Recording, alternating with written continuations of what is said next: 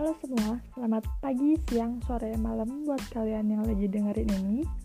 Nama aku Hanhira Natasha dari Program Studi Pendidikan Kewarganegaraan Universitas Pendidikan Indonesia tahun angkatan 2020A. Di sini saya akan sedikit menjelaskan mengenai materi tentang antropologi. Antropologi berasal dari bahasa Yunani yaitu anthropos, yang berarti manusia, dan logos yang berarti wacana.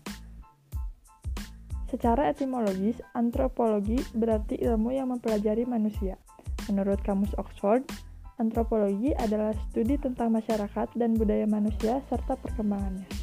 Antropologi dibagi menjadi empat cabang ilmu yang saling berkaitan, yaitu antropologi biologi, antropologi sosial budaya, arkeologi, dan linguistik. Pada antropologi biologi, atau juga disebut antropologi fisik, merupakan cabang ilmu antropologi yang mempelajari manusia dan primata bukan manusia dalam arti biologis, evolusi, dan demografi. Selanjutnya yaitu antropologi sosial dan budaya. Antropologi sosial merupakan cabang yang mempelajari hubungan antara orang-orang atau kelompok.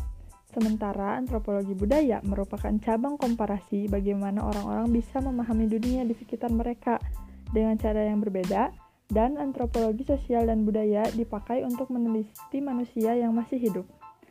Sedangkan arkeologi ini berkaitan dengan usaha mempelajari sisa-sisa fisik dari suatu budaya masa lalu pada masa lampau. Manusia zaman dulu meninggalkan petunjuk tentang cara hidup mereka, tidak hanya dalam kata-kata dan huruf saja, tetapi juga dengan informasi tentang keyakinan dan tradisi dari sebuah peradaban. Selanjutnya ada antropologi linguistik. Antropologi linguistik bisa diartikan juga sebagai cabang keilmuan yang mencakup masa prasejarah untuk menemukan hubungan antar budaya dan mengeksplorasi makna dari konsep verbal untuk kemudian menghubungkannya dengan masa kini. Antropologi linguistik juga mempelajari bentuk-bentuk bahasa manusia dan penggunaan konteks bahasa itu dapat menghubungkan sosial atau politik dari orang-orang yang diselidiki. Selanjutnya ada fase perkembangan antropologi. Fase pertama yaitu sebelum tahun 1800. Perjalanan para musafir, pelaut, pendeta Nasrani, dan pegawai pemerintah Belanda. Kisah perjalanan dituangkan ke dalam buku dan laporan perjalanan, berisi deskripsi adat istiadat, struktur sosial masyarakat, bahasa, dan ciri-ciri fisik berbagai suku bangsa di Asia, Afrika, Oseania, Indian, dan Amerika. Sedangkan pada fase kedua, yaitu abad 19, dimulai oleh kalangan ilmiah yang mulai menghimpun dan mengkategorisasi berbagai bentuk persamaan dan perbedaan sehingga menjadi pengetahuan etnografi. Karangan-karangan yang menyusun bahan etnografi berdasarkan cara berpikir evolusi masyarakat,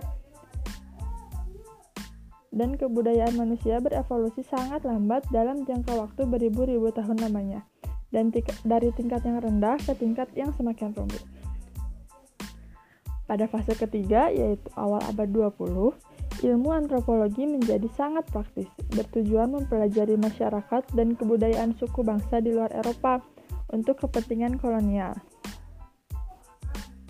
Pada fase keempat, yaitu tahun 1930, Uh, pada tahun 1960 telah diklasifikasikan berbagai kebudayaan di seluruh dunia ke dalam tingkat-tingkat evolusi tertentu, misal kebudayaan Mesir, Romawi, Babilonia, Maya, dan dan Aztec. Ilmu antropologi memiliki masa perkembangan yang paling luas. Bahan etnografi sudah terdokumentasi dengan baik dan metode penelitian holistik. Sekian yang saya sampaikan. Terima kasih.